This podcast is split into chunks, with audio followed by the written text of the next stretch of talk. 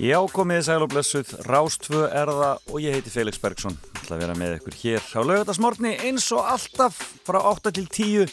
Þetta er þáttur sem ég kalla fram og tilbaka.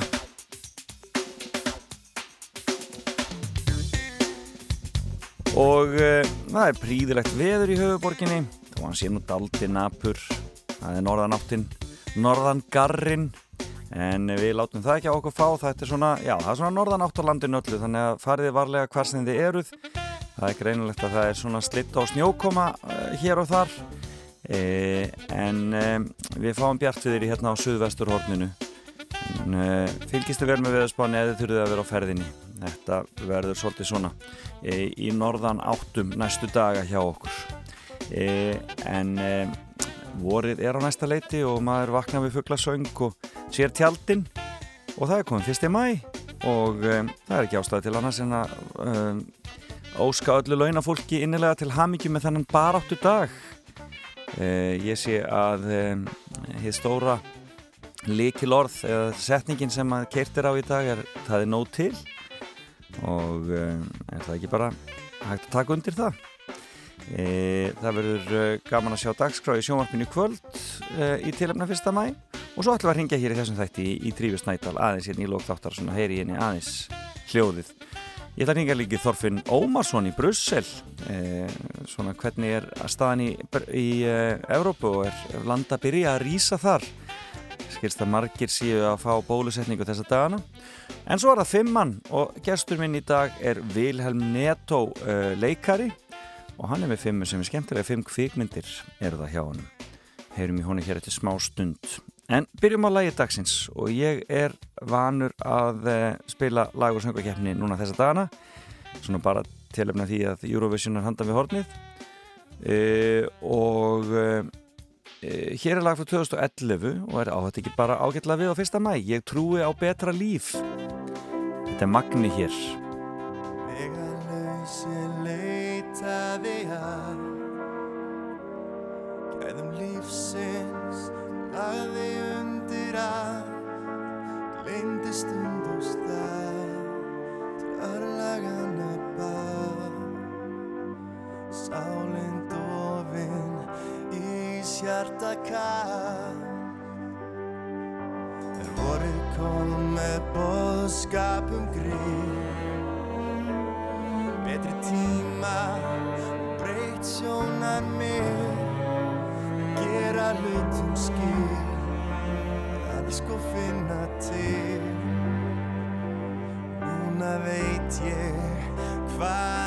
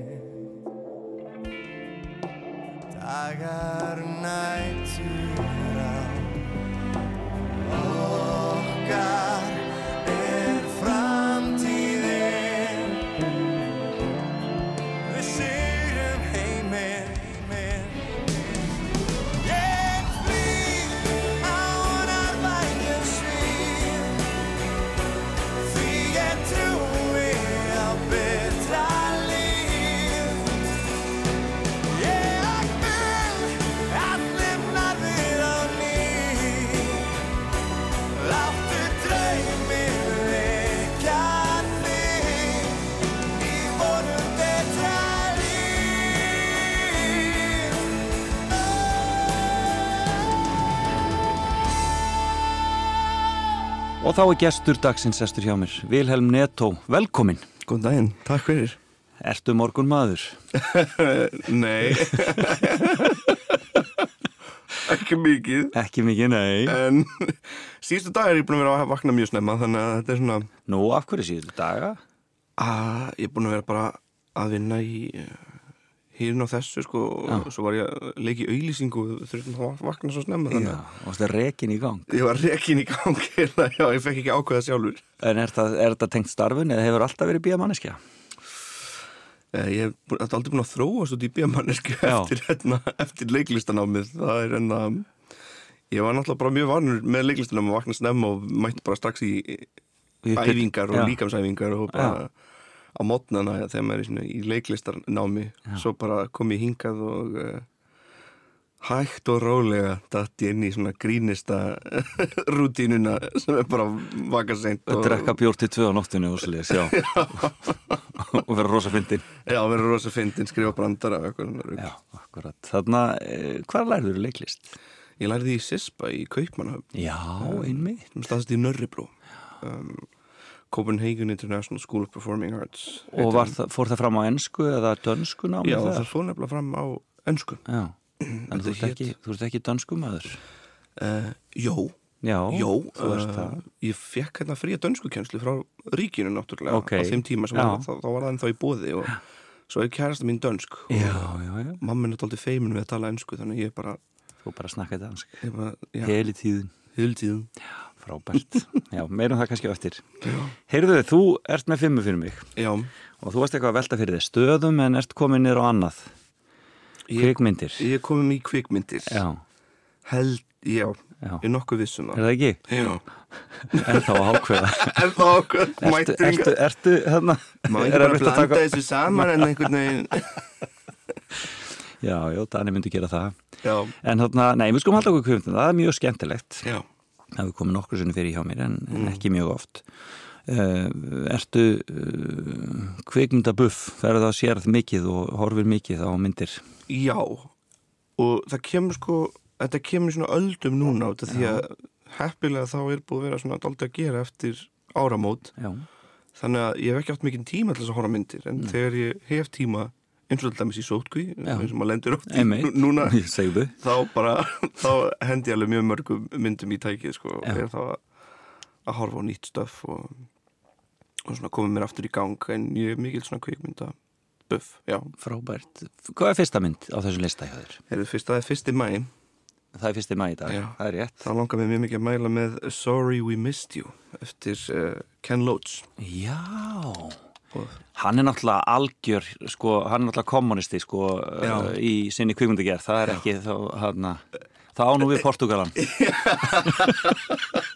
Alltaf í einhverjum byltingum. alltaf í einhverjum byltingu sko, en að Nei, en þetta, en hvað, hvaða mynd er þetta? Þetta er nýlega mynd, er það ekki frá hann? þetta er nýlega mynd, já uh, ég sá hana fyrir uh, tveim árum held ég með mömmu í Bíóparadís. Og uh, fjallar einmitt um svona uh, nútíma samfélag sem við búum í undir uh, kapitalisma og fjallar þá um svona rikki og hvernig það er að vera svona lálauna uh, fólk sem Já. náttúrulega reynir bara að koma sér fyrir degi eftir degi og kemur sér þá í vinnu sem er í rauninni ekkit eitthvað rosa hjálpsum hvað varðar uh, hvað varðar svona þróun Einstaklingsins. einstaklingsins, Já, já, og uh, er rosa áhugaverð, sko, fjallar náttúrulega um svona sendingafélag, náttúrulega svona Amazon típa, en náttúrulega bresk mynd. Eða DHL eða eitthvað slíkt. þetta var eitthvað svipað, já, Já. þetta var eitthvað svipað og þetta er svona daldið svona þetta er mynd sem er bara, bara mjög í að radikalisera mann þegar maður sér hana einhvern veginn, hún er bara svo vel leikin og, og leikstýrið og er bara ótrúlega erfið, Já, mjög pólitísk náttúrulega. mjög pólitísk og, hérna, já, og, og, og fjallar um þá í rauninni þá sem að er minnst meiga sín í samfélaginu og svona falla á milli skips og bryggju í kapitalismannum í já, rauninni. já, og það er náttúrulega bara reyðilega erfitt að að sjá þetta sko, Já. þegar maður er einhvern veginn sér að það er til svo stór hópur af fólk sem er náttúrulega bara lifir eftir mánuðum kannski og er ekki að er ekki með neitt öryggisnett þannig séð sko. Og Nákvæmlega. þannig er stundu samfélagi byggt bara að þú verður að vinna til þess að lifa af sko, þannig að þegar fólk missar einu mánuði í vinnu þá er það strax bara komið í djúpum vanda. Í meira átt að vandræði, akkurat.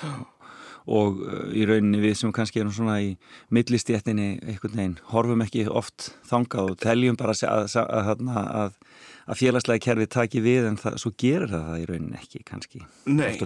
Nei, og þetta náttúrulega fer líka bara mjög mikið eftir, eftir löndum Já. kannski, maður sér um, ég mitt hef alveg séð þetta líka stundum í Portugal að það er fjölskyldur sem lifa af bara mánu eftir mánuði og ég er náttúrulega ótrúlega heppin bara að búa í, á Íslandi og, og vera í svona góðri stöðu allavega með fínt öryggisnett Já. og, og Það er ekki allir svolítið hér heldur þannig að það Nei. er nú aldrei sárafátakt hérna líka sko. nákvæmlega og eitthvað sem maður sér ekki mikið sko, Nei. samt það er svona ekki mikið rætt um En þá er það myndin eins og Ken Loach það er svona að, þarna, hann í rauninni Já. opnar okkur inn í heim Já, nákvæmlega og ég held að það sé mjög gott að sjá myndir eins og, eins og Sorry We Missed You eftir, eftir honum sko því að maður þarf stundum að að horfast í augun á við svona sko Já. Og ekki, ekki skemmir eða góð mynd. Nei, akkurat og, og sagan er sterk og leikurinn góður og það allt saman. Mhm. Ken Loach er náttúrulega frábær kvimdikera maður, algjörlega briljant sko. Já. Briljant, fyrsta mynd, Sorry We Missed You það er Ken Loach, hvað kemur síðan hjá þér? Svo aðeins til þess að peppa mann aftur í gang þá er La, Grande Bellezza uh, eða The Great Beauty eins og hún heitir á, á ennsku uh, fjallar um uh, man ekki hvað leiksturinn heitir en uh, fjallar einmitt um Jepp Gambardella sem er svona gamall listamæður einhvern veginn og mér fannst það að vera algjör orka í því sko. Mér geggi orkun að tekin upp í Ítalíu og enna ógeðslega skemmtilega gerð og svona all- alls konar senur sem er bara svona um lífi rosa ítölsk sko, bara klassísk ítölsk lög í bakgrunum eða svona eða svona óperur eða klassísk tónlist í gangi og svo bara svona skotu af lífinu einhvern veginn og svo Já. bara er sínt af svona gömlum listamanni og rithöfund sem er bara að djamma einhvern veginn og mér fannst þetta svo fallegur óður til svona lífsins og að eldast að ég var svona ok, geggja þá, þá er alveg gaman að eldast einhvern en veginn. skemmtilegt. Að byrju hvernig síðan, hvernig er þessi mynd? ég held að hún sé frá cirka 2016 Já, ok, ok. Sens nýleg ítölsk. Já, nýleg ítölsk og uh, það var tímabil hann sem ég horfði mjög mikið á ítalskar myndir Mhm. og aðaleikarinn í þessari mynd hefur bara oft komið í myndum sem ég hef verið kannski að horfa á riff. Já, og svo allt í hennu sé ég hann og ég, þannig er hann, þannig er hann aftur er hann aftur og veist ekki henni hvað hann Ég heitir veit ekki hvað hann heitir, ég er bara, þannig að það ekki ég, Það, en þessi suður er úrski stíl hann, hann höfðar til þín? Já, sérstaklega ítalski sko. Já. Ég er mjög hrifin af ítölsku myndum eh, Því miður er ekki mikið af eh, svona, er ekki mikið af listasviplu í portugalskum bíómyndum Nei. þannig að um, allavega nýjar portugalska myndir eru eins og ég hef alltaf þekkt þær mjög hægar. Já, mjög hægar og svona heimspekilegar. Þeir, þeir, fíla mjög mikið að gera þannig myndir meira að segja nýja fólkið eða unga fólkið. Já. og um, ítalska myndir einhvern veginn ná svona mjög góðan svona, með gott jafnvægi milli þess að vera heimspekilegar og fallegar og með góðan svona rithma í myndinni og svo er náttúrulega ítalska tungumáli bara fallegasta er tungumáli að mínu og þannig að það er bara mjög auðvöld að horfa ítalska myndi þegar maður er alltaf að hlusta á þetta á þessa fegur einhvern veginn. Já, La Grande Bellezza. Bellezza nema hvað. Stóra nema hvað. fegurðin. Já, stóra fegurðin, en skemmtilegt Tjekk á henni. Heyrðu, við, erum að, við erum alltaf að tala um Portugal Af hverju eru alltaf að tala um Portugal? Þú ert náttúrulega, ertu, ertu uh, hálfur Portugali eða hvernig er Já. það? Já, Já, ég er uppalinn þar. Já, og uppalinn segist þar. alltaf hérna Portugali og Íslendingur. Einmitt. Þetta er svona, ég ég reyna að hafa það í tungumálinu. Maður segir oft oft vera hálfur og hálfur. Já, ég hef talað um þetta við sýstu mínu Jóhannu og uh, það er einhvern veginn bjánulegt að segja þetta að segja hálfur og hálfur, þú ert bara. Portugal og þú ert Íslendingur þetta er náttúrulega, ég er ekkert eitthvað br- br- brjálaður hérna, þetta er bara svona, þegar maður fer að hugsa um það, þá er einhvern veginn, já kannski bara betra að segja að ég sé bæði út af því annars finnst maður stundum eins og að vanti eitthvað í þessu. Annars finnst maður stundum og maður sé 49% Íslandingu 49% Portugali og smá. það er eitthvað hjarta sem vantar En, en uh, hvort fóreldræðina er, er pappi, pappi er Portugali hann er algjör kommi. Já. og býr úti eða hvað? já, hann býr úti núna í, í, í Figueira de Foz sem er svona Ok. lítill, lítill strandabæri það sem ég var uppalinn. Þannig að það var eins og flytja í sko stórbæð þegar ég fl- flutti til Reykjavíkur. Fyrir hvað er þessi, þessi litli bær? hann er svona miðju Portugal við strændunar Já, ok, þannig að það er strandbær. já, strand, Ólst, ólst upp við ströndina. já, algjörlega er ekki dásanlegt. það var fullkom við sko ég, ég myndi ekkit hafa það öðruvísi en Nei. ég jafnvel þótt ég hafi fluttingar sem unglingur sko, Já. það hafa verið svona erfitt en þá en það var bara fullkomið sko, sérstaklega að maður fari, fór í skólan og fór síðan bara eftir á í ströndin einhvern veginn, Já. það var algjör stemning Akkurat. Hvað er þetta? Er þetta algjör, þú veist, hvað er þetta að tala um þegar að segja smábær? Hvað búa margir þarna? hvað, tíðust, fimmtúst Já, akkurat. sko Akkurat. Og er túrismi þá þarna eða? Er þetta Já, svona, á sumrin sko, Já. hækkar alveg íbúafjöldin heilmikið sko, margir portjólar sem er kannski hús þar en Já. ekki þar En ekki kannski svo mikið að, aðrir sem koma þarna. Er þetta meira og minna Portugal sem koma þarna? Þetta er meira og minna portugalar Já, Það er ekki margir túristar, túristar aðtilsert. Það er svona, meira svona innanlandstúrismi þar Aðtilsert. Já. Portugalskan er þeim sem að koma að mjög erfitt tungumál. Já, já, það er, hún er, eitthvað- það sko en um, þetta er líka ég uh, voða fáum sinnum ski- hitt fólk sem er að læra evróska portugalsku yfirleitt er það brasilísk portugalska sem er náttúrulega um, öðruvísi bara. Já, og öðruvísi reymur og allt það þannig að mjög skiljanlegt. Já. evróska portugalska er kannski aðeins meira gamaldags já, ef maður lítur þannig á það. Einmitt. E, ferðu oft til Portugal? Ég reyna að gera það, já. Já. Ég er náttúrulega dál, búin að vera dálítið leiður upp á síðkastið, Já, eða svona leiður ekki, leiður bara svona Að komast ekki? að komast ekki. Þannig að ég þóri ekki beint að fara til Portugals óbólusettur út af því að það þarf alltaf tvö flug til þess að komast frá Íslandi til Portugals Einmitt. og uh, mér finnst bara óþægilega tilhugsun að fljúa á einn flug og vera þar hangandi og svo fljúa á annan flug Algjörlega. og fara til. Portugals að Þetta eru nýjir tímar. Já, Þannig að þú bara, að, þú bara skæpar við pappaðin með reglugum millipili. já hann, hann ringir alltaf um eitt vídeosýmtal, ég skil ekki alveg Já, Ég var einmitt á, á um daginn að skamma hann, þú ert alltaf að ringja vídeosýmtal, ég er ekkert eitthvað endilega tilbúin að tala með vídeo eitthvað svona að ég var og vann að vera á ferðin og tala í síman og vera eitthvað akkurat. svona í, í svona. Já, vill sjá Pabbi þig. vill alltaf sjá mig Auðvitað. ég, skil alveg. Auðvitað vill hann sjá þig. Og þarna, en hvenar flyttur þú aftur heim til Íslands? 2007 Já, bara rétt, bara kortir í hrun. Það var bara svo leiðis. það var bara þannig. Og uh, í, í endan reyndist að góð ákvörðun. Alltaf hrunin fór alveg sérstaklega erfið ítla með Portugal.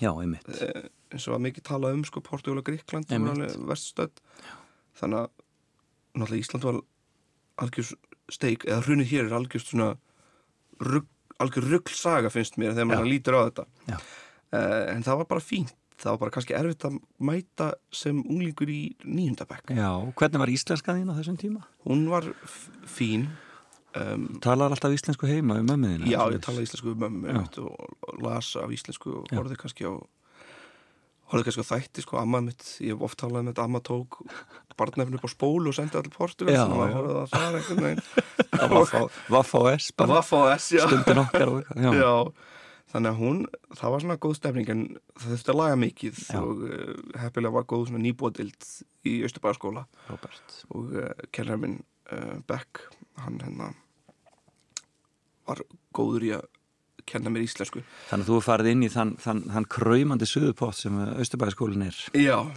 Og, og var, voru, það þá listirnar sem að fóru strax að banka dyrnar hjá þér? Já, það er byrjuð sko frekar ungur Já. en uh, það var mitt svona gott að vera á Íslandi upp á það, það er svo mikið svona frelsi til þess að skapa og mikið svona fólk er svo opið til þess að leifa manni að skapa og, og búa til list Finnst þið meiri möguleikar hér heldur en til dæmis í Portugal? uh, Ég held, já uh, allavega á, staðnum sem ég var á sko, alls, alls ekki til að tala illa um Portugal og, og, senuna þar, því ég hef hýrt góða hluti um Lissabon og Porto, bara ekki upplefa sjálfur en um, að koma hingað og, og vilja vera leikari það var mjög gott einhvern veginn Já, það er kannski meiri möguleiki til að búa sér til pening einhvern veginn e, Já. í þessu starfi. Mér finnst þeim mjög gaman að, að svona útskýra fyrir fólki hvað það eru margar svona atvinnugreinar sem eru kannski hér og er ekki í öðrum löndum eins og þú veist, veislustjóri er eitthvað sem stundum fólk kannast ekkert við.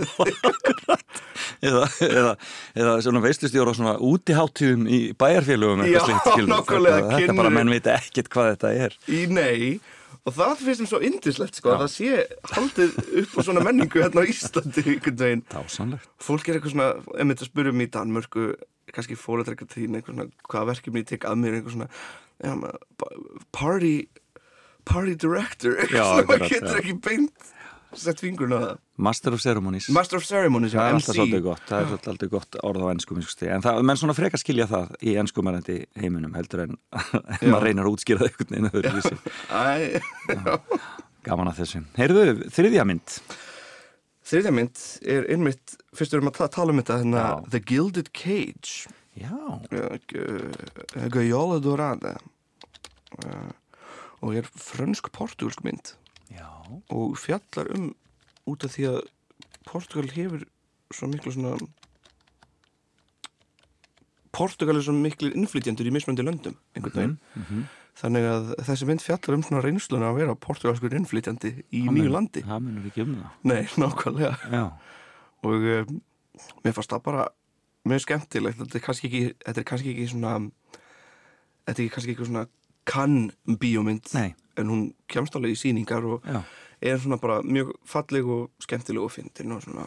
Þarna, hvaða uh, er þetta, er þetta, er hún leikin á frönsku eða portugalsku?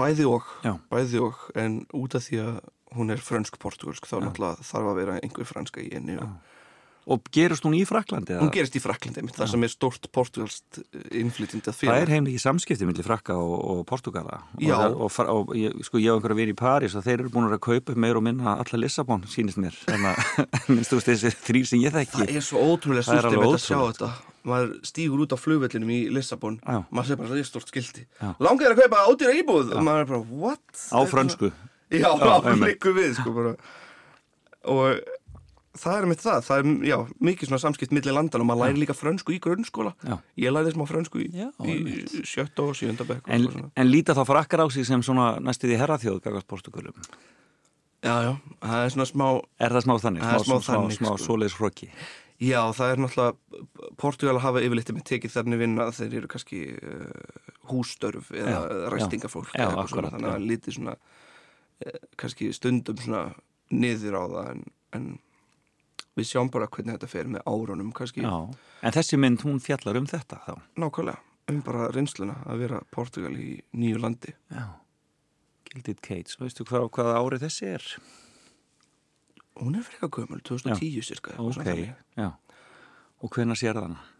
Ég sé hana með mömmu í Bíóparadís Já, því mamma þín er alltaf í bíóparadís Hver er eiginlega um þessi mamma þín? uh, Guðleg Rún Já, Guð- ég- Guðlaug Rún Margeisdóttir hún, að, hún er alltaf við erum alltaf að skella okkur í bíó saman sko. já, er hún kvikmynd áhuga konan í, í, í, í Já. fjölskyldinni? algjörlega, ég gaf henni mér að segja Apple TV um daginn, sko, Já. setti upp hérna bara Mubi sem er svona streymisveita fyrir evruska myndir. Já, Það einmitt. mjög næst af að eiga í sjónvarpinu hjá sér. Já, þannig að, er, þannig að þú hefur fengið mikið kvikmyndu uppeldi í rauninni gegnum hana. Já, algjörlega, og líka gegnum pappa sem náttúrulega fór með mér bara alltaf að leiga en að Vaffos eða DFDS bólur í Figueira við fórum alltaf þangað og ég er náttúrulega þekkti eigandinn. Þetta hétt þetta hétt videomovie nema hvað. Leigan og uh, það var svona eldri maður sem var alltaf mjög góður að mæla með myndi líka þannig að við mættum alltaf þangað og vorum að spjalla við hann kannski 30 mínútur eitthvað um bíómyndir og hann að tala um hinn og þess og hann sá þær allar sko, þetta var bara klassískur svona leigu Og fegst það að taka Hollywood-drasli líka eða bannaði pappið þið það? Jú, jú, maður fekk náttúrulega líka að taka Hollywood-dresslið. Ég er búin að vera í smá mótþróa sérstaklega síðasta árið. Ég er eitthvað svona búin að vera algjör, eitthvað svona, ég er alltaf ekki að horfa Hollywood-myndir, eitthvað. Þrátt fyrir að horfa mjög mikið á Hollywood-serjur, en ég er búin að vera smá að reyna að stoppa það, einhvern veginn. Og um, Já, það er búið gaman að beina sjónum stundum eitthvað annað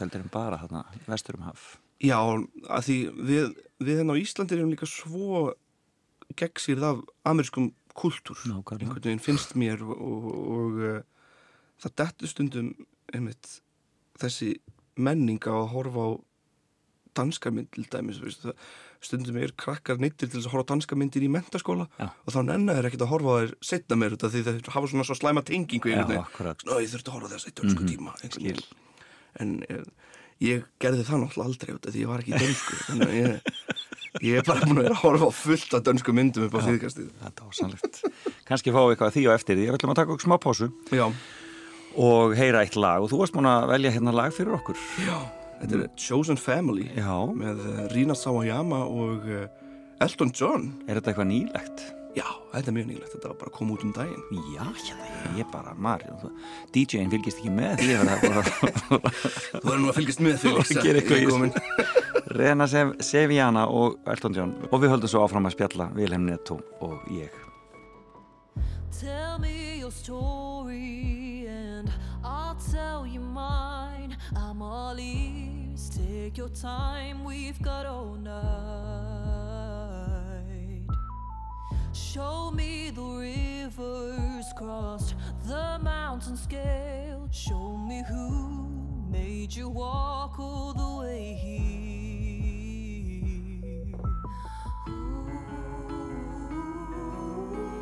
Settle down, put your bags down. You're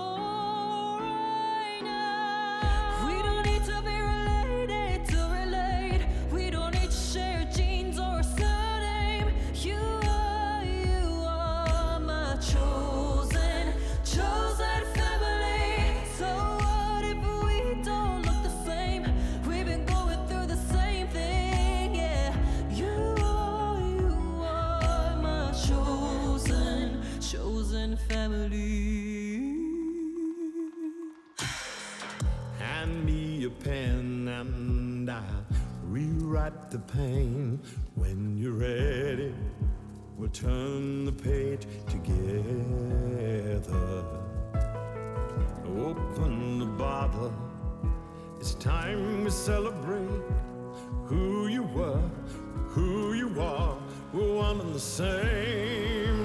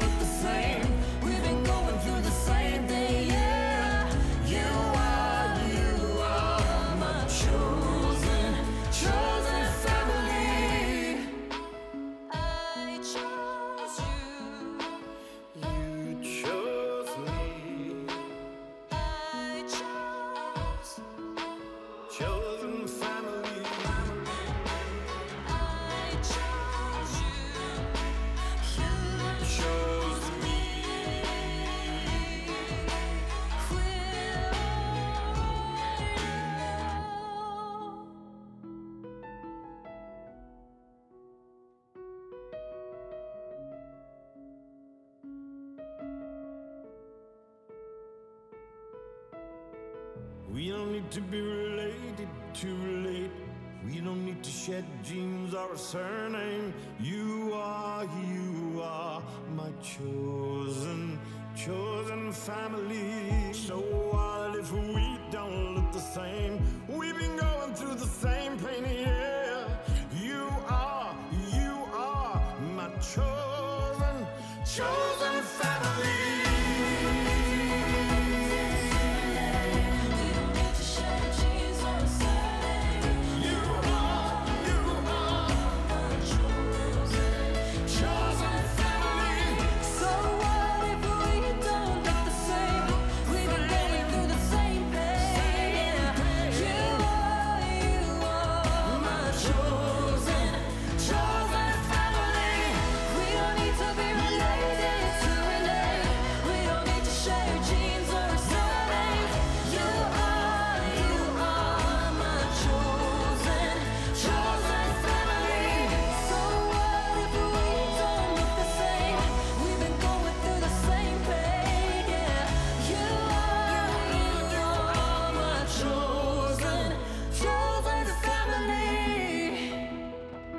Þetta var lag sem heitir Chosen Family, Rene Sevana og Elton John. það náttúrulega er svolítið þannig að fólk svona fólk er svolítið e, það er svona fjölskyldur hafa alltaf verið óhauðbundnar en Já. þær, þær, þær eru á ímsan máta e, í dag. Já, þarna og þú átt pappa í Portugal en þú átt kærust í Danmörku. Já, já. Fjarsamband er ekki beint uh, auðvildast í hluturinn í COVID sko. Nei, hvernig, en það er sem, sem þú varst í náminu þá sem að e, Já, ég kynst henni bara í rauninu Já, og, bara þegar, þegar þú ert út í Danmörku? Já, Já, svo bara fyrir mig á date og fyrir mig á svona alls konar bóteikur og mjög mikil stemning bara. Já hvernig, hvernig er datingkultúr í Danmörku? Er hann eitthvað öðruvísi en á Íslandi?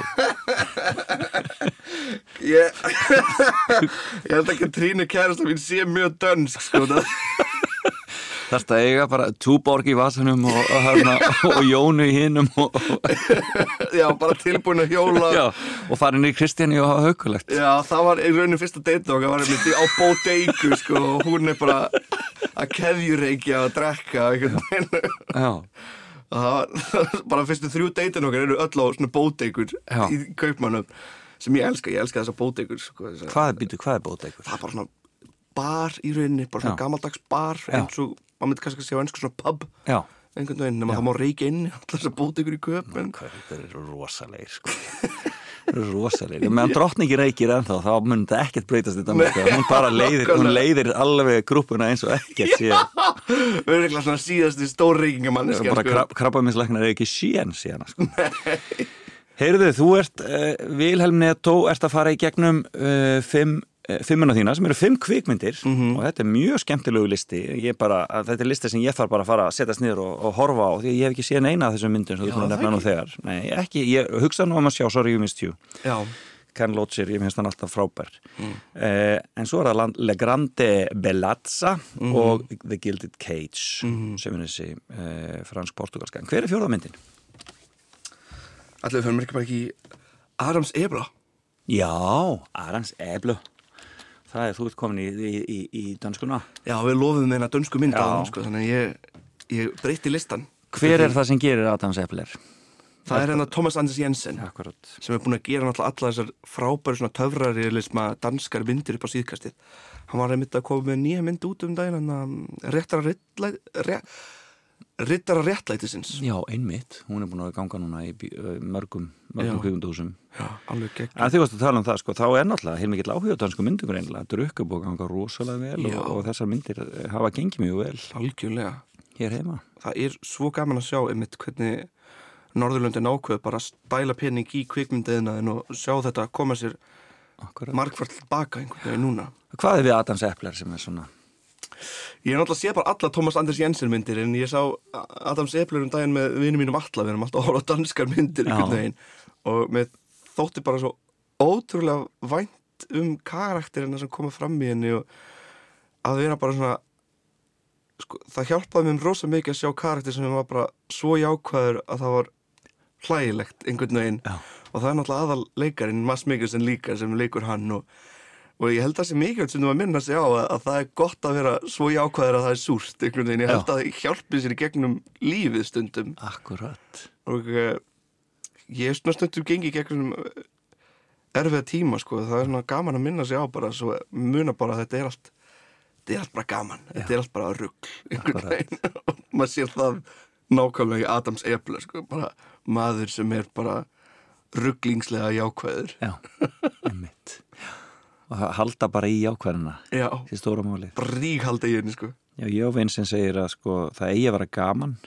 Já, og ef það sé ekki gaman þá þurfum maður að breyta einhverju. Það er svona, það er svona lífsmottóið. Já, Mér finnst þetta aldrei gott motto, þetta er svo einfalt. Það er nefnilega það sko.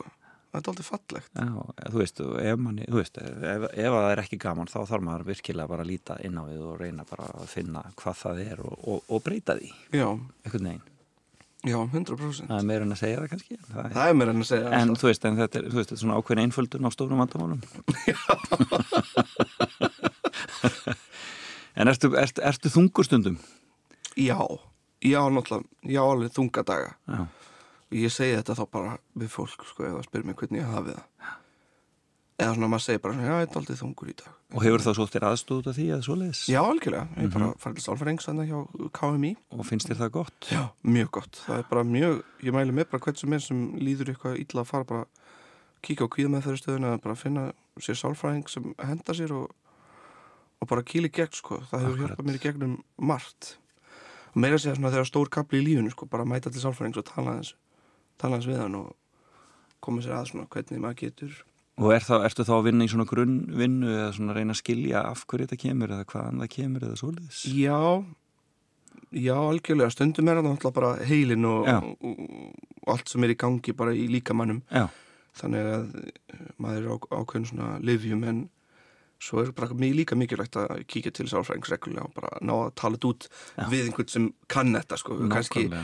líka mikilvægt að minna sig á að setja kannski ekki vinnuna á vini sína eða nánust eitthvað svona að, að, þurfa, að þeir þurfa einhvern veginn að Já, að sækja sér freka professional aðstóð. já, það getur hjálpað mjög mikið og er auðveldra bara En þú náttúrulega ert að vinna í gríni og ert þetta bara orðin þekktur fyrir það. En þetta er mjög algeitt. Ég meina það, er, það eru grímundna tvær, skilur það er þessi sem hlær og þessi sem er sorgmætt, skilur Já, já, það já. er náttúrulega leiklistinn. Og þetta er mjög algengt með grín, grínista. Ég meina Jón Gunnar hefur talað um þetta til dæmis. Já, já, það er náttúrulega nefnilega margir grínsta sem ég veit sem eru svona með þetta bakvið sig, sko. Já, svona, en, svona, fara, fara svona í hæðir og læðir, sko. já, en það er alltaf, ég veit ekki, kannski er eitthvað samrýmið þarna já. að þú þarft að hafa gengið í gegnum eitthvað til þess að, til þess að vera að fyndin. Já, eða svona daldi bipolar, sko. Já, það er aldrei svona, já, það er með það, það hefur oft verið sagt einmitt í maður, ef maður hefur ekki gengið í gegnum eitthvað, þá er erfitt að vera fyndin, eða þú veist, ef þú ert búin að lifa fullkomni lífi, þá er ekki mikið til þess að vera, svona, þarf maður ekki að þróa það í sér, eitthvað svona grínið, Nei, en ég veit það ekki, kannski er það eitthvað, bull í mér. En þú ert svona búin að vera að koma sterkur inn í íslensku, íslensku leiklistar og grínsenuna, Mm. núna bara undarfærin ár. En fannstu mun eftir áramótusköpi síðast, eftir hérna, eftir rapplægi þar sem þú helst niður í randanum til þess? Já, minn góður, sko, þetta er búið að vera algjör rússipanni, ég er svona, mér fannst mig vera að ganga vel fyrir það, sko, eftir það, þá bara, það er allt búin að vera vittlust bara. þetta er allt búið að vera vittlust sko, maður bara mætir í alls konar verkefni og Mhm. alltaf verið að spyrja álitmanns á hitt og þetta maður þarf ekki endilega að gera eða veist, maður er eitthvað að hverju vilja vita hvað mér finnst um þetta einhvern veginn uh, en þetta er búið að vera æðislegt sko og eiginlega bara ótrúlega gaman að sjá bara fólk sem maður leit til þegar maður krakki bara fá mann í útarsviðtal Já. og bara og vilja mann í eitthvað verkefni eða einhvern skets sko þá þetta er bara búið að vera ruggla æfintýri En þetta byrjaði svolítið af því að þú fórst að setja myndbönd Já, inn á, á netið. Já, á Vine fyrst, Fyrst, já. já. Og svo bara hreinlega YouTube myndbönd. og svo Instagram og núna TikTok og, Og hefur verið að vinna þetta með vinum þínum þá eða... yfirleitt hefur verið að vinna einn Já, nemað með Ingun Láru þá hefur ég gert nokkuð myndbönd með henni sem Já. Voru líka mjög skemmtileg. Já, svona hratt klift og skemmtileg. já bara að tekja upp í símanum og En heilmikil vinn á baku þetta oft á tíðum. já, algjörlega. Já, og mm, svona, það þarf að vera alltaf hrað í þessu einhvern veginn þegar maður svona dettur eitthvað gott í hug. Já, ef maður er í stemninguna þá þarf maður bara að grípa og þá er maður bara næstu næsta klukkutíman bara að hugsa eitthvað ok, hvað er ég var að gera? Já, okay, akkurat. og bara svona koma sér í gýrin einhvern veginn en núna er ég svona skipilegja stærri sketsa meiri upptökur og svona Já, þá bara hreinlega fyrir, fyrir sjómarpúsulegis eða hvað. já, já, ég er búin að vera að vinna að einum skets sem vonandi fá með að sína sem er talt svona sjálfstætt verkefni en ég held að verði mjög fyndið fyndið að hafa eitthvað svona skets sem Magnús eitthvað Já, akkurat. Frábært. Heyrðu við um eina, eina mynd eftir. já, Hver er svo fymta? ef ekki bara segja Parasite Já, svo kóreska. Já. kom fyrsta mynd sem ég búin að sjá. já, sorry Heyrðu, hún er briljant. hún er frábær Komaði svo rosalega skemmtilega óvart en að sjá hana. Bara, Já. þetta var eitthvað neginn svo gjörsamlega mindblowing. já, Því að hún er, svo, hún er svo marglaga og svo verður þessi ótrúlega breyting í miðjunni á myndinni sem að kemur manni sko eitthvað neginn bara, opna sköldu bara já, algjörlega. Já, hún er hérna, Bong Joon-ho sem leikstir þarna hefur gert alveg bara fullt af bara frábæri myndum Já, þessi var bara eitthvað annað já, hún bara- Enda, hún fekk Óskarinn, besta, besta erlenda myndin. og besta myndin Já, besta myndin alveg rétt, hún Pældi fekk því. bara Óskarinn. Já, fyrsta, Það ruglað fyr, þannig. er það ekki bara fyrsta erlenda mynd sem að, já, fyrir utan hérna um, lífið er hérna, hérna. La Vita Bella. Já, Já. Hérna. fekk hún besta mynd líka Hún fekk besta mynd. Já. já. Já, nákvæmlega, þetta er náttúrulega bara ótrúlegt afrek. Já, Hann bara sópaði að sér Óskarnum. Ef fólk er ekki búið að sjá Parasite hvað er það við hana sem að heitlaði þig? Aftur, það er stéttabarátan Já, sem er í henni einmitt, hún er rosalega mjög góð. Og það eru náttúrulega margar senur sem eru svona eftirminnilegar. Eitthvað svona eins og þegar hann er að keira bílinn og eitthvað svona aðal, einna aðalegur er að keira bílinn og ríka konan baku að tala í símanu og maður bara sér alveg munin milli fólks. Akkurat, hún er veltið fyrir lyktinni. Hvað er lykt? Já, nákvæmlega. Þarna, um, en það er líka sko maður laðast það þessum karakterinn á sama tíma finnst mann eiginlega allir daldi fyrirlitlegir. Ha, Já, það er svona það, það er ekkert að eitthvað að reyna að láta líka við fólk einhvern veginn. Nei. Engin í myndinni, ekki einu sinni þú veist, ekki einu sinni, já. Það er engin eitt karakter sem er kannski fyrir lítið legur nei, akkurat. Nei, nei, sem, er, el, sem maður elskar einhvern Nei, veginn. akkurat, akkurat. Og börnin fann að sjá í gegnum sko, þetta er svolítið hérna, nýföldin keisarans, þau Já. Sjá sem að henni fullorðinu sjá ekki, þetta er mjög áhugavert. Frábær mynd Parasite, já, mælum henni. Algjörlega. Og mælum þessum lista bara yfirleitt. Sorry We Missed You, La Grande Bellezza. The Gilded Cage, Adams Epler og Parasite. Já, gott, ég seti þetta inn á, á Facebooku eftir en það er alltaf nóg í gangi hjá þér og nú uh, er, ertu nýbúin að drepa Friðrik Dór? Eða Já. mér skusti velta því mikið fyrir þér? Já, já, já, já. hvað í raunni það er, er það verkefni sem að kom frá er þitt eigið verkefni eða var þetta hugmynd frá einhverjum öðrum? Nei, þú veist, þetta var bara snark, hérna strákanir hjá snark sem eru nokkri leikstöru sem er að vinna þar. Óli og Eilífur Örn og Haukur Björgvins og Hörður og Helgi. Þeir ringi í mig þegar þeir eru klára leiklistaramið og höfum bara, heyrðu, hæ Við erum þetta með hugmynd. Og þú bara? Eh, Þú leikur sjálfa þig og, og, og úrverður þessi stóra seria Já, sem fyrir alltaf bara nær tegir út arma sinni til færi og alls konar. Stórkostlegt. Já, og verið mjög gaman einmitt að standa í því Já, og leika með frábæna leikur um þetta eins og Guðrun Gísladóttur og algjörlega. Og, og hérna já, Guðrún Gísla og Maríu Telmu Já, og bara, fullt af fólki þannig já, Frábært, þannig að en nú er það, en nú ætlar að fara í stand-upið aftur. Nú Já. má að fara að leipa áhöröndum í hús og, og þá á að fara, á að fara stað. já, við erum þetta að túra með uh, Vaffos, Núna um helgina. já, Og hvað ætlir, hvað ætlir það að vera? Rif og Flateyri Og sem sagt, uh, það, Vagninu var á, á Flateyri núna fyrsta mæ, eða hvað? Já, ég held það Já, Ég þetta átt að vita. ekki Það þýr ekkert að koma í út að svittul og viti ekki hvað þú verður, skilur og hvenar, skilur.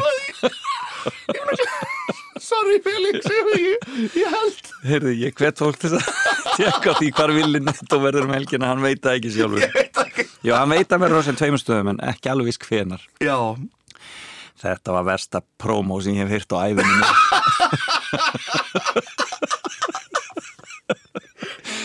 Maður gefur upp boltan og það bara kemur ekki neitt.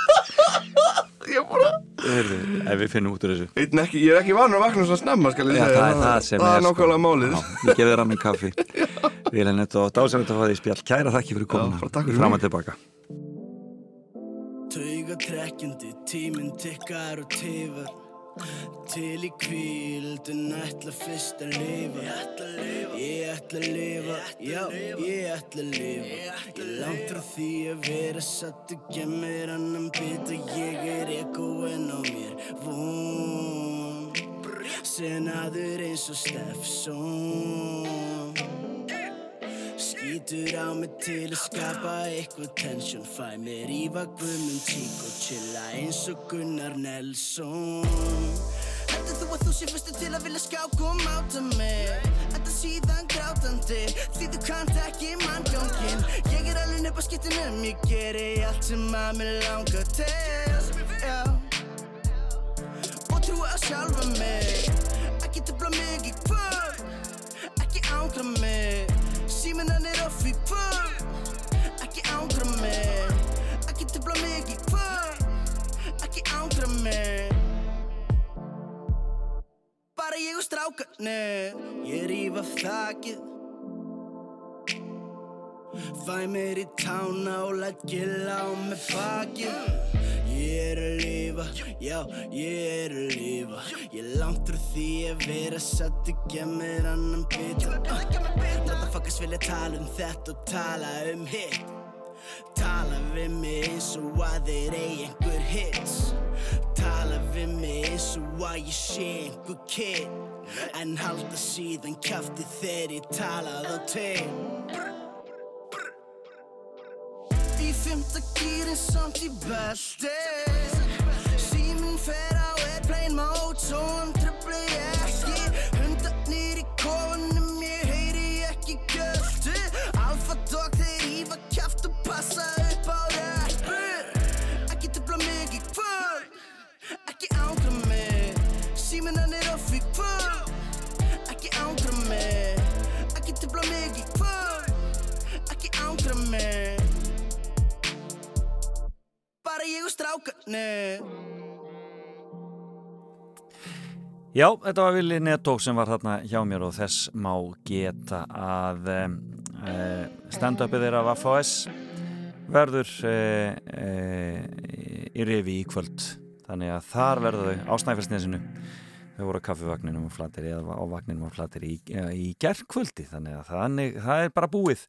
Eh, en eh, ég verða að spila þetta lag sem að mm, svona margir tóku eftir og við myndust á hér í viðtalin áðan held í mér andanum úr árumótasköpunu 2020 þetta er svona lagi sem að ég vil er að segja að hafi gert ansi mikið fyrir sig og svona atriði sem að margir muna eftir úr árumótasköpunu þetta er, er COVID-lagið sjálft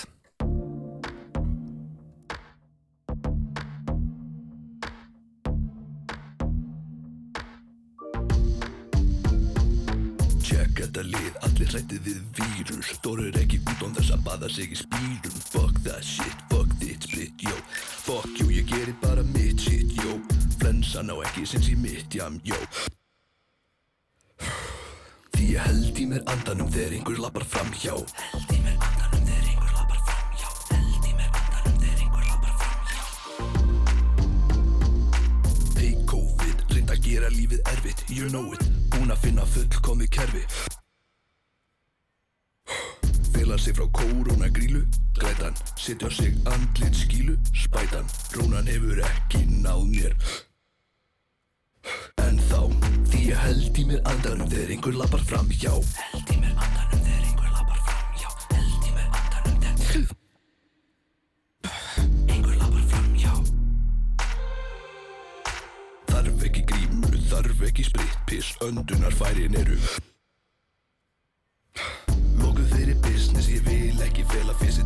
vesli búðinni Ég held í mér andanum það til ég er búinn ég Bjóða póka? Já, takk. COVID? Nei, bara fáviti. Svo fjórið í dag. Því ég held í mér andanum þegar einhver lappar fram hjá Held í mér andanum þegar einhver lappar fram hjá Held í mér andanum þegar einhver lappar fram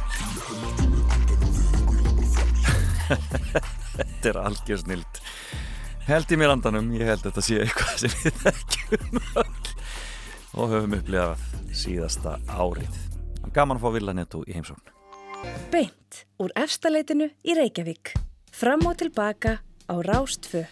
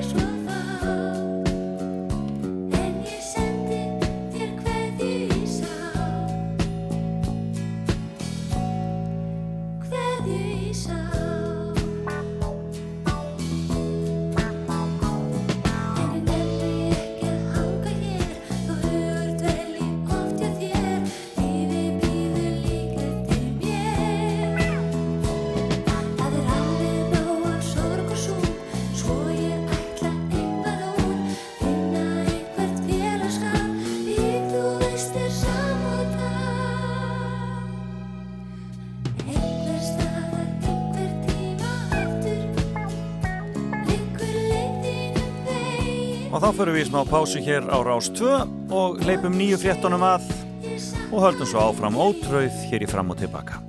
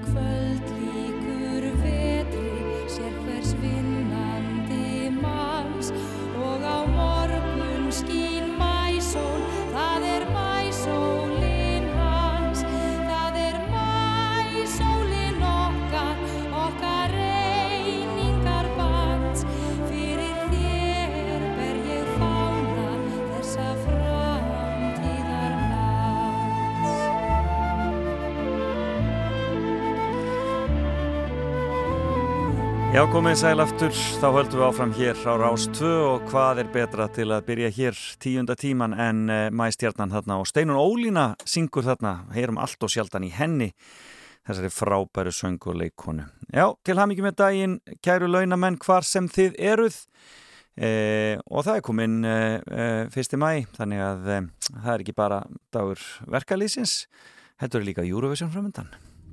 Baby,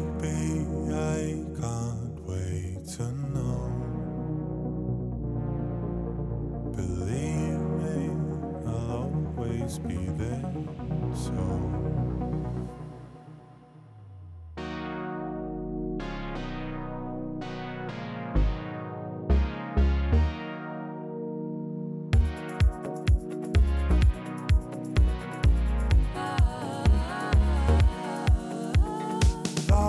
I know I love you, I find it hard to see how you feel about me.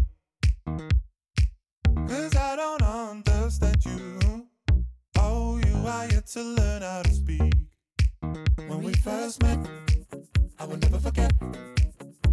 Cause even though I didn't know you yet, we were bound together then and forever. And I could never let you go. Baby, I can't wait to know. What do you think about things? So.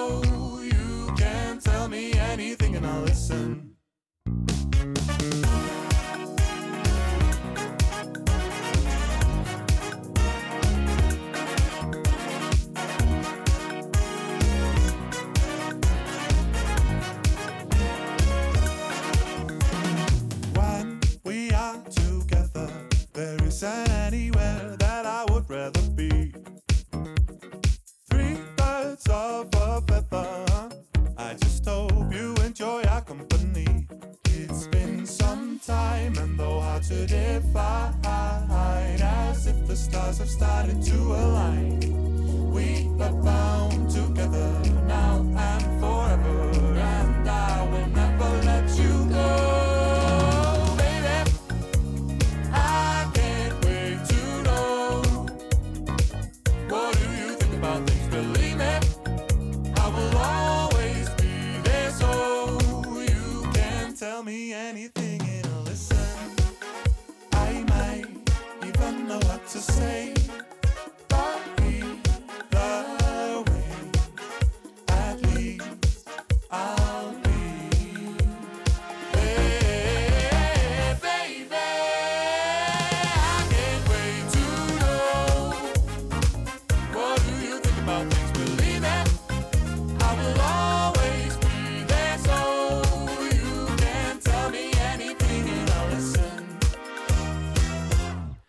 Daði Freyr og Gagnamagnið og uh, Think About Things. Þetta er lagið sem átt að fara í fyrra og uh, sló aldeilis í gegn á heimsvísu. Nú er spurning hvort að nýja lagið 10 Years á eftir að gera slíkt til sama. Það kemur í ljós, íslenski Eurovision hópurinn heldur að stað eftir viku og þá fer þetta nú alltaf skýrast. Eh, en eh, já, alltaf gaman að heyra þetta lag. Hér er þetta smástund og ætla að hringja til Belgíu og heyra í honum Þorfinni Ómarsinni. Þú ert að hlusta á Fram og Tilbaka með Felix Bergsinni á Rástfö.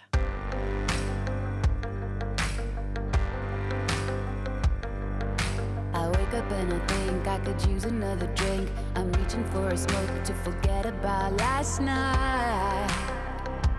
Last night. I get up cause I need a shot of instant remedy. I put a record on, it makes me think about last night. Last night. It all ended in the weirdest trip. You started acting way too hip,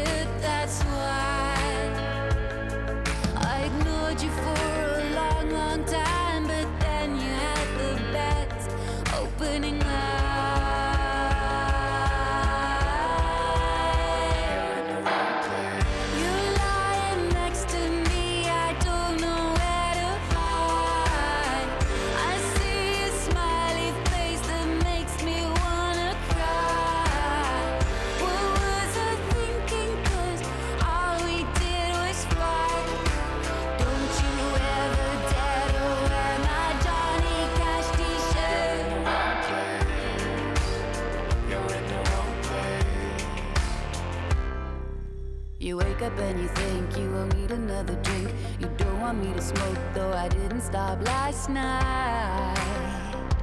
Last night. You get up cause you need an organic cup of tea. You put a record on that makes you think about last night. Last night.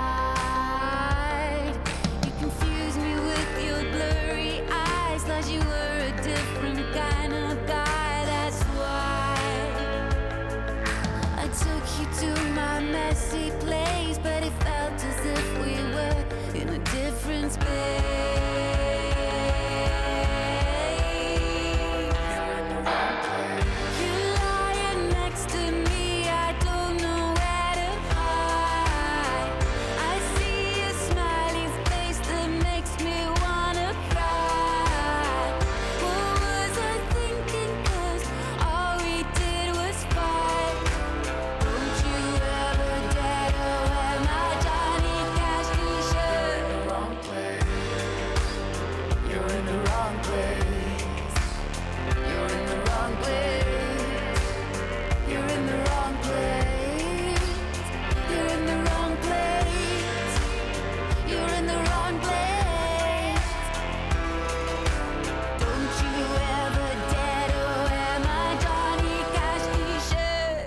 Þetta er hið príðilegasta pop frá Belgíu, Hooverphonic þarna, sem eru uh, þáttakendur uh, Belgíu í ári Eurovision. En þar með erum við komin í samband við Brussel og í símanum Þorfinnur Ómarsson, komdu sæll og blessaður. Já, komið sæl alls. Blessaður, blessaður og sæll. Hvað segir þá? Hvernig er veðri hjá þér í Brussel í dag? Alltaf fyrsta spurning. Já, já, það er allt í leið. Ég sitt hérna allavega út á svölum í sólinni. Næ. Og Eh, nýtu þess. En hérna, já, það er svona bjart og fínt veður en svona ekki sérstaklega hlýtt, það er tíu stíð Nei, og þetta verður þetta verið einstaklega svart vor hinga til. já, er og það? svona, já, og apríl var, já, annarkort bara svo kaldasti uh, frá tíu mælingar hófist, allavega einhvern tíman heyrði ég í 35 á mistakosti. Já, Svona, Já. það, það á ekki af ykkur að ganga þarna í þessu, í, í kófinu og öllu saman, en, en, það, en það nú svona að fara að byrta yfir því öllu saman, gengur ekki vel með bólusetningarnar hjá okkur? Jú, sérstaklega hérna í Brussel þá, uh, já, gengur vel og ekki gengur vel. Sumir mæta þetta ekki, en hérna áður en ég kemur að því að þá, þá hérna er allavega hér í Brussel, núna er búið að að fólk, allir sem eru fættir sem sagt fyrir 1980, þannig að þetta er orðið nokkuð gott með því segja, svona komin í fært buktu hengið, nei, hvað er maður gammal, jú. Já, já, eitthvað svo leið, já. og hérna þannig að það er hvað aldurstak miðið er allavega komin lægra heldur en uh, á Íslandi Já, akkurat, einmitt. um, en ég held nú að reyndar að, að sko hlutfallið sko við heldar bólusetta sé ekkit, meira hér heldur en frá ykkur Nei, jú. uh, og það skýrist af ymsu sýnist mér til dæmis hér í Brussel og þá sem segir, þá mæti ekki allir. Uh, það hefur verið Ramadan hérna síðustu vikur og hjá múslimum og fjórðungur borgarinn eru múslimar. Já. þeir kannski mæta síður þessar aðstæður. Já. og svo er uh, við spræða því að eldra fólksum mætir ekki og, og það er búið búa til núna að leipa stokkunum áallin að, að, að, að mæta heim til fólks eða bjóða að mynda upp á það. Já, og þetta er ekki skilda sko hér Nei. gerir til þess kostninga þáttaka í kostningum er skilda í, í Belgíu já. en það er ekki skilda að fara í bólusetningu Nei, einmitt. en það var allavega að reyna að ná til þessa hóps með öllum svona tiltakum ráðum Hefur þá verið einhver hræðslu áróður eða eitthvað slíkt sem að fólk er að láta ná til sín? Mér finnst það ekki vera neitt meira hér en, en bara en, almennt Já, akkurat, akkurat. Nei, Já. en hérna þetta er bara já, það sé upplifa þetta sem óvissu að hérna, veit ekki hvers konar já, vilja sjá ég hef heilt sem að segja þetta sko, ég vil sjá hvernig þetta hefur eitthvað slæm áhrif á aðra áður en ég hef það sjálfur Akkurat.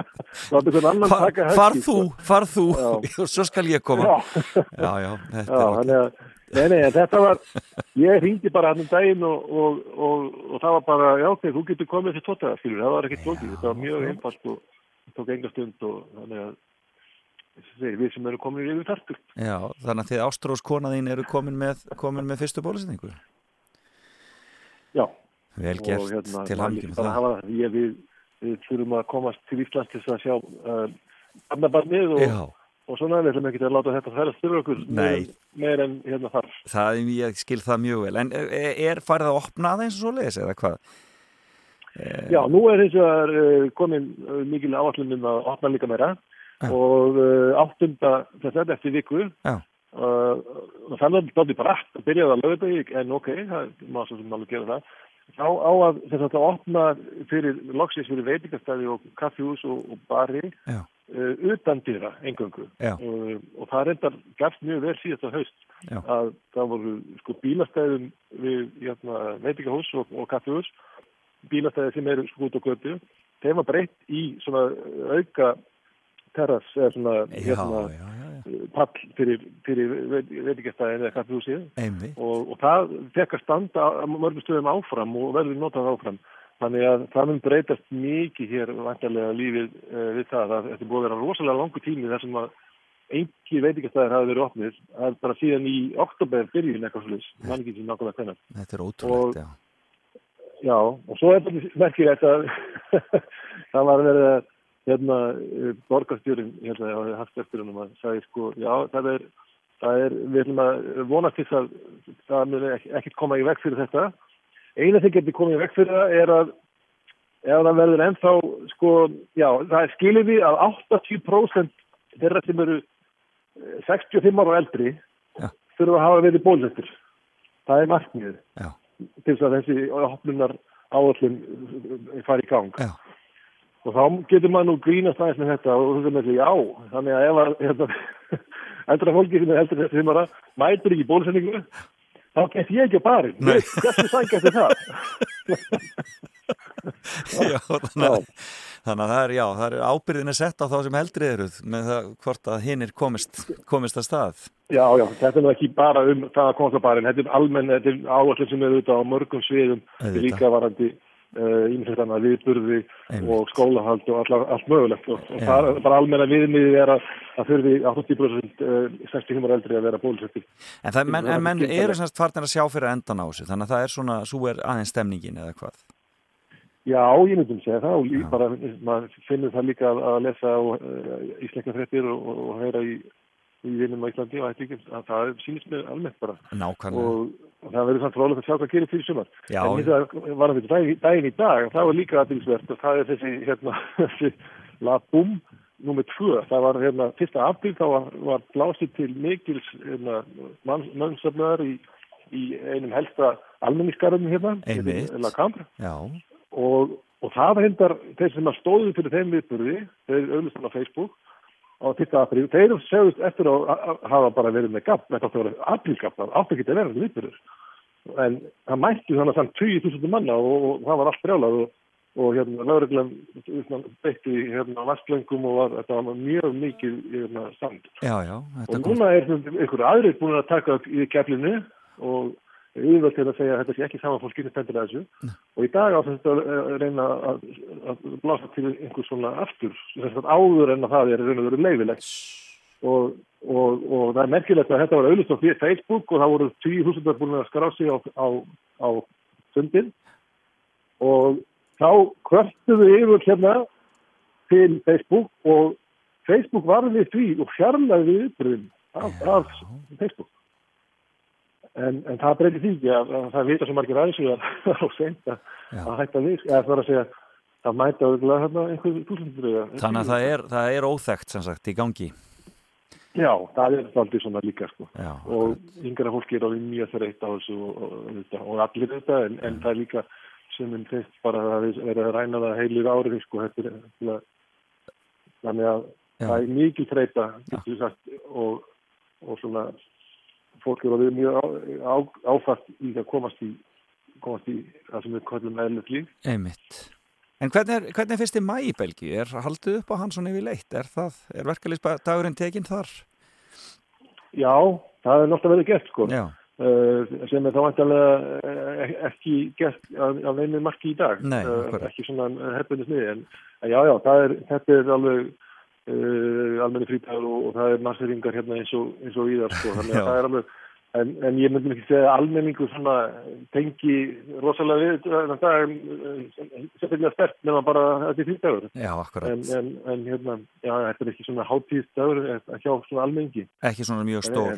En- hvernig er með pólitíkina núna í, í Belgíu? Er þetta alltaf, alltaf jafn flókið? Eru þið með ríkistjórn í augnablikinu? Maður maður veit Já. aldrei. Já, já, það var, þeir slóðu ennitt metið hérna síðast sko, mann ekki hversu margir dagar, hvort það voru 600 okkar dagar, það var ekki ríkistjórn, Já. en það var, hérna, það var bara starfstjórn og, og önnur starfstjórn og þriðja starfstjórnin og allt það sko, en, en, en, en svo náðu þeir náttúrulega myndastjórn og, og hún er kölluð sko, hérna, við valdi stjórnin á því að það er sko fjórar aftíðis af því að í henni er bara allt mögulegt um að segja, það er allir skalinn. Þannig að uh, nema það að í henni er reyndar ekki stærsti flokkurinn í uh, það er þess að flæmingja sem er, sem er nokkuð sérstætt vegna þess að, að, að flæmingjar eru fleiri, þeir eru 60% belga. Uh og þeirra uh, uh, stærsti flokkur er ekki aðili af ríkisvöldinni Já. en það reyndar má segja að það kannski sé pínu skilanlegt vegna þess að sá flokkur er beininnis uh, á móti því að viðhalda Belgíu sem saminuðu ríki Já, Hann ég skil. reyna veru, já, hann vill sjálfstætt flandur eða flæningaland og, og það er erfitt að vera kannski í, í, í hérna í stjórn eh, sambands uh, konus ríkisins ef að þú ert á móti tilvist þess. Já, það er, En, það er þannig að það er svona þeim, þeim já, þannig að þeim megin í landinu er svona meiri teitringu gildur sagt með þessa ríkistjórn en fórsættisráðan er reyndar það hann, og, og, sko, hann er fræningi þannig að það svona balanserar þetta ágætlega sko. En það eru sjö flokkar Fjórið eru flæmingja megin og, og svo þrýr eru fransku mæðandi megin í Vallaníu. Já, þetta er með flóknari, að- flóknari pólitík sem til er þarna í Belgíu, það er vist alveg óhætt að segja það. En menn líta þá bara Já, vegna þess, Já, hvað þið? en menn líta björtum augum fram á sömarið. Já, ég held það nú sko og hérna og að persónulegum nótum þá gerum við það við vorum að flytja bara í gær Já, til hamingi með það. og, hérna, og erum bara hérna brött með, með hérna nýja staðinn og kona mínu með hérna Pilates Studio Já, og það er, er að fá sem að nýtt nýtt uh, heimilisfang Já. frá með deginn í dag frábært. Og er, er þið þá... Já, Er, við erum bara hér að skúra krupp og bóna og, og já, er, þetta var ég, já, er þið eitthvað sentralt þá með þetta eða svo leiðis?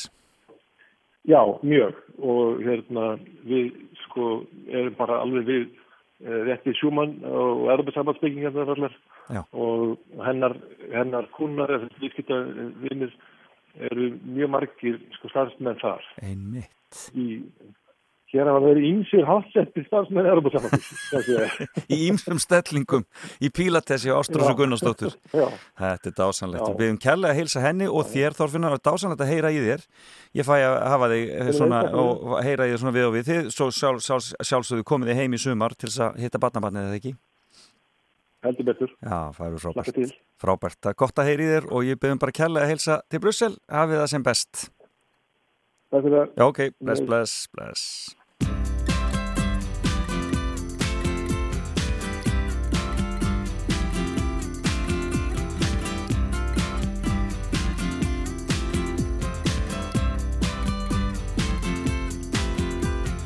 Bella's in the back, sweet singers in the front. Cruising down the freeway in the hot, hot sun. Suddenly red blue lights flash us from behind. Loud voice booming, please step out onto the line. Ballet bridge words of comfort, Cena just hides her eyes. Policeman taps the shades, is that a Chevy 69? How bizarre! How bizarre! How bizarre! Destination unknown as we pulling for some gas. Officially placed a poster reveals a smile from the pack. Elephants and acrobats, lion, snakes, monkey. Billy speaks righteous, Sister Cena says funky. How bizarre! How bizarre! How bizarre! Ooh, baby.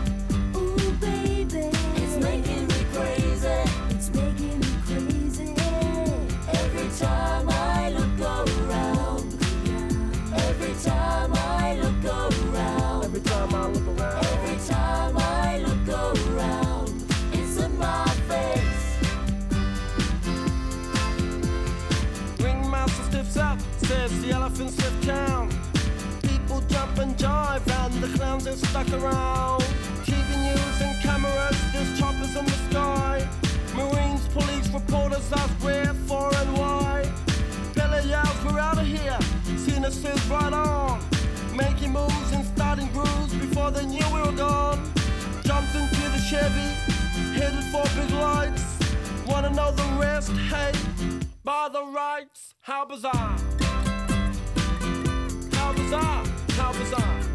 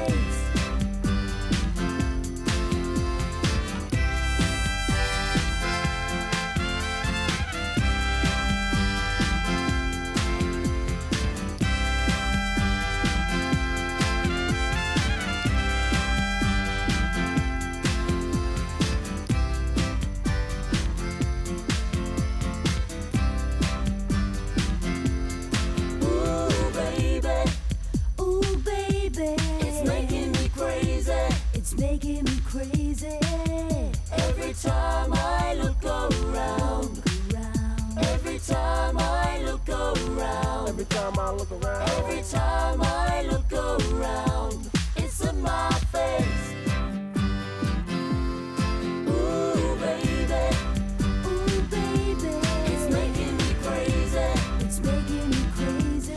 Já, gaman að heyri Þorfinn Ómarsinni í Brussel og um, já, það er vonandi að það fari nú að leta til yfir þessu öllu saman hjá okkur hvar sem við erum í heiminum.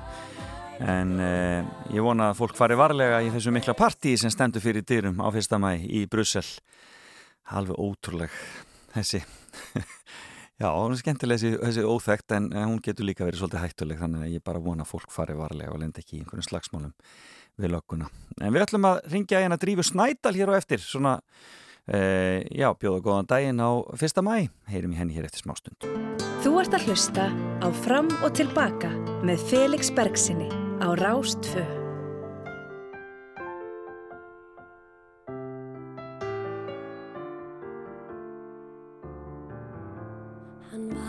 Og hver annar verkamaður í vinnu fötum og slitnum skóm. Hann var aldrei hryggur og aldrei glaður og átti ekki nokkurn helgidóm. Hann vann á eyrinni alla daga þegar einhverja vinnu var hægt að fá. En konan satt heima að stopp og staga og stugga krökkunum til og frá.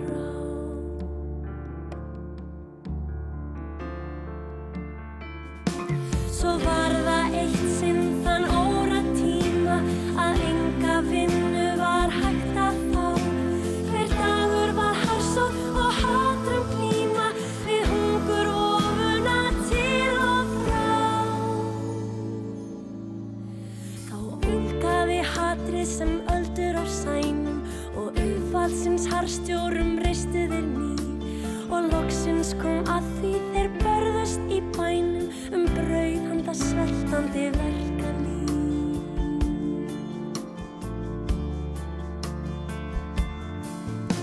Þann dag var hans æfi á endarunnin og enginn veit meir um það. Með brotin hausinn og blóðum munnin og brjóst hans var sært á einum stað. Hans fall var hljótt eins og fórn í leinum í fylkinguna sást hvergi skarð að stríðinu búnu á börum einum þeir báru hans lík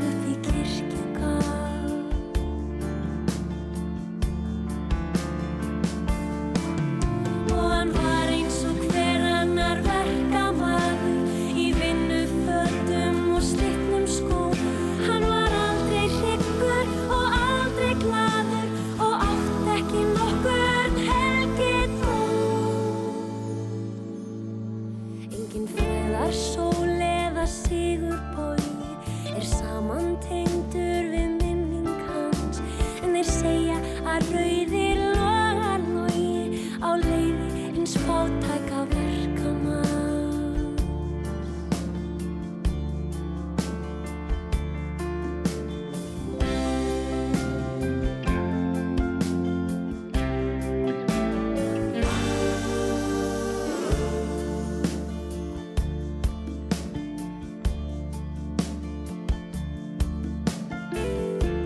Já, þetta syngur Ragnhjóður Gröndal, ljóð Stein Steinars við lagberg Þóru Árnadóttur um verkamannin og í símanum er Drífa Snædal og ég segi bara góðan og blessaðan daginn Drífa og til hamingi með fyrsta mæ Já, góðan daginn og takk sem leiðir.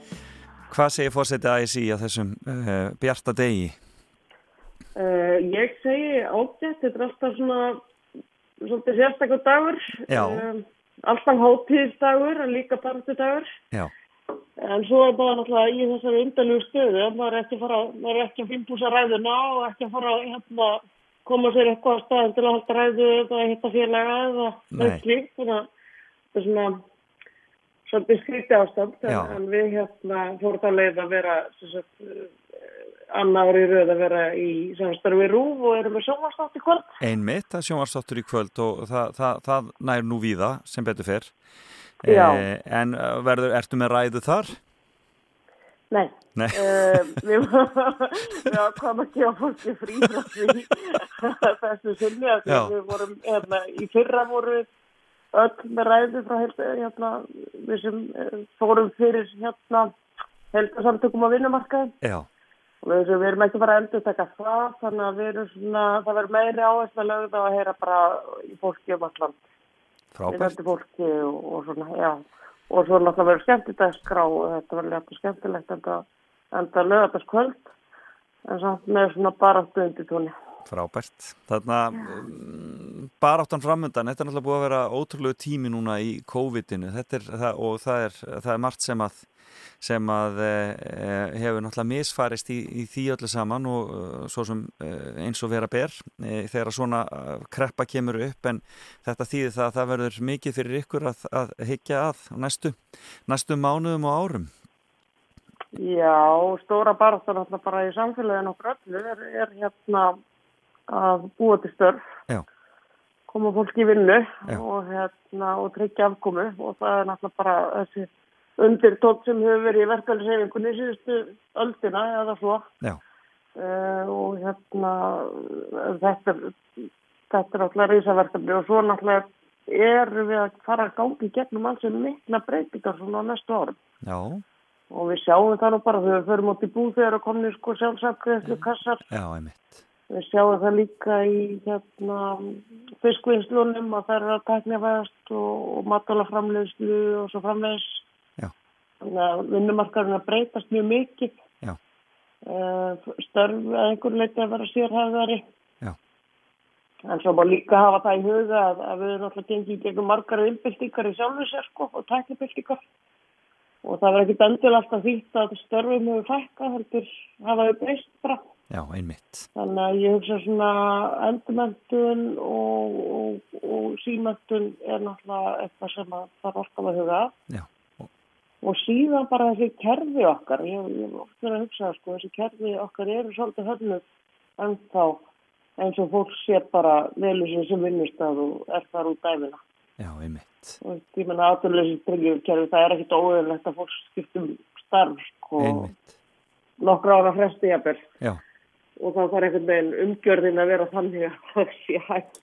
Já, er náttúrulega fólk er líka farið að fara aðeins meira á milli landa, það er farið að vinna inn á þessu stóra euróska efnahagsvæði og svoleiðis, þannig að þetta er náttúrulega mikla breytingar sem kalla á að verkalýsreyningin sé á, á tánum með það allt saman. Já, og svo náttúrulega þessi vitt sem er fjárvinna sem við erum náttúrulega búin að taka reysa stökk í núna og, Akkúrat. og ég er svo sem, ég, ég held reyndar að sko COVID kenn okkur það hvað það er mikill luxus að mæta í vinnuna. Já, út af heimilinu og heita vinnufélag einmitt, akkurat. og fá sér föstudagskaffi með vinnufélagunum og, og allt þetta sko það sem það er hægt. Um, þannig að ég held að það verði ekkit brjálað ákall eftir því að fá að vinna áfram sér sko. Akkurat. en hins vegar sko held ég að, að svona Já, það er vinna færi, stjórti á netinu Ég, það er svona möguleikin á því, mér skusti, maður fann að sjá meira möguleikan á því held ég eftir þetta allt saman. Já, ég tek- tekið þetta fyrir dæmi sko þeir sem er í erlendu samstarfi, norrænu samstarfi, það var alltaf svona, það þurfti alltaf að fara með til landa til að halda fundi. Já, Svo allt í einu er það bara allt í lagi að gera það ekki. já, Við Íslandingandi bara getum ekki bara haft þetta á netinu, bara neina, það var alltaf að mæta til kaupa þarna. Þannig að hérna, alls konar svona sko Já. og hérna, en, en, eins og ég segi, ég held að, ég held að fólk sjáu mjög mikið virði í því að mæti vinnu norðið og, og hérna, en svo er náttúrulega einhverju sem kannski velja það og, og þá er það sko, þá þarf semjum það sérstaklega hvort að fólk vilja vera heima einmitt. og það er náttúrulega, það komur upp alveg mjög marga spurningar um það, hver, hérna, hver á að borga stólinn og kaffið og, og aðstæðan þar, og aðbúnaðin og tölubúnaðin og allt það sko. Við það menn treysta fórustinni, menn treysta fórustinni þessu, en hvernig ætlar að taka daginn? Hvernig verður dagurinn hjá þér? Ég var að framan hverju ég ætla að tölvuna. ljú- ljúga landsmönnum en, en ég, ég held því að byrja því að þú fólkun hefur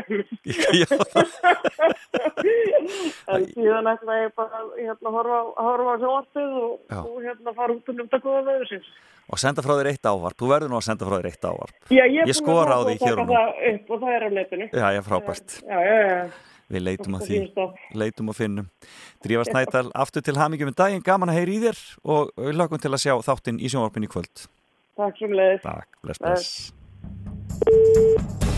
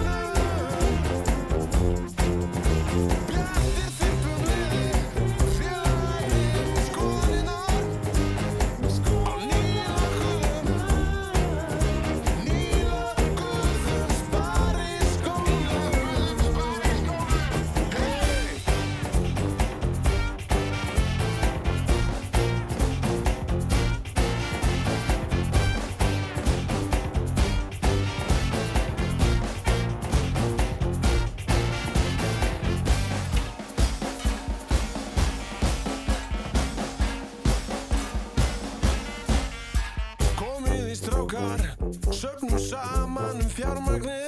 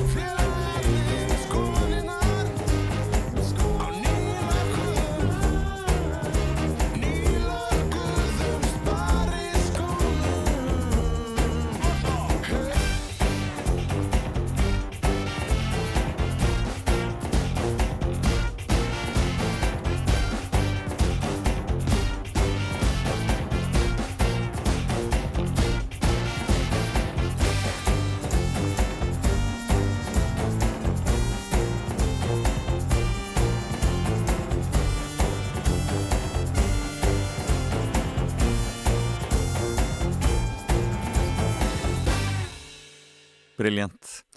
Jónas segi þarna og baráttu söngur uppreysna klansins á skítadreifurunum. Svo nátt að vera. Þú ert að hlusta á Fram og Tilbaka á Rástföð.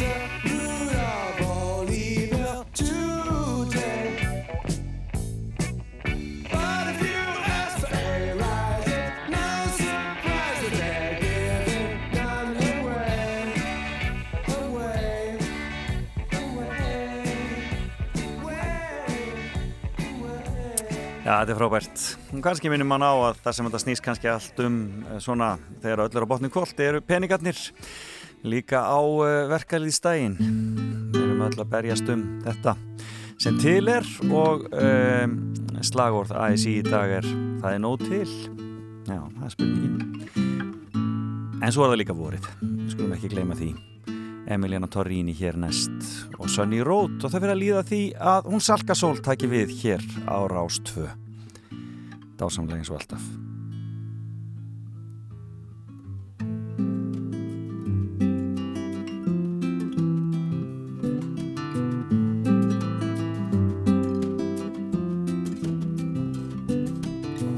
Wrote you this, I hope you got it safe.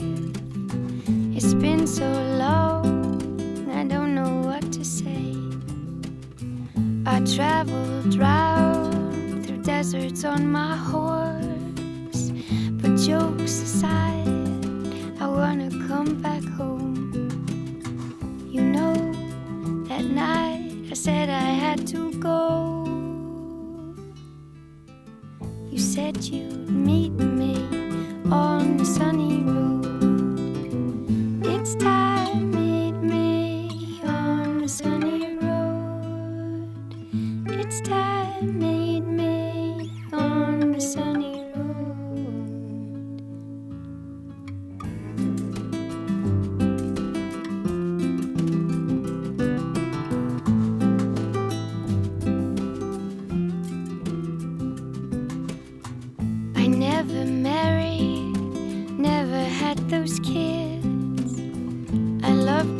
now heaven's closed its gates.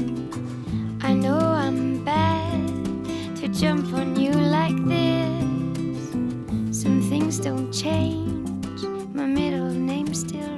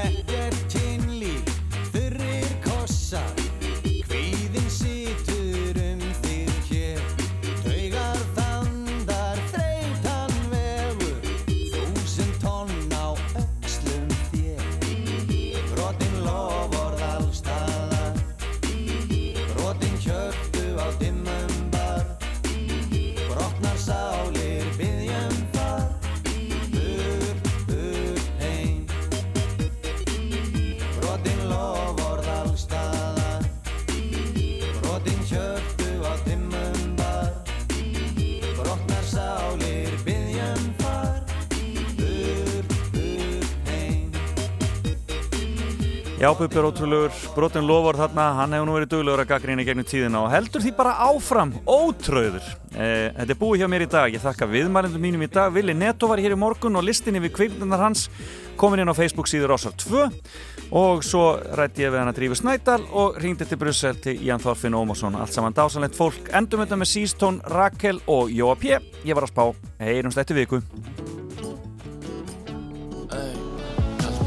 Gustur en ég tek honum með opnum örmum og einnig hugsunum um þig fyrringur kýtla mig. Því með þér þá vefst mér tunga milli tanna. En mér er alveg sama því að þetta er eitthvað annað. Ég vil læra nýja hlutum með þér drepa stundum með þér. Fá nýjan litið lífið leysa þrautum með þér. Æ, leggjum niður bremsuna sækjum aftur berskuna. Rifjum upp dagana og skrifum sína sögum kynum tíma, þarf ekki að eiga sér stað. Tíma, tíma þarf ekki að hugsa til svar. Tíma, tíma þarf ekki að eiga sér stað. Tíma, tíma þarf ekki að hugsa til svar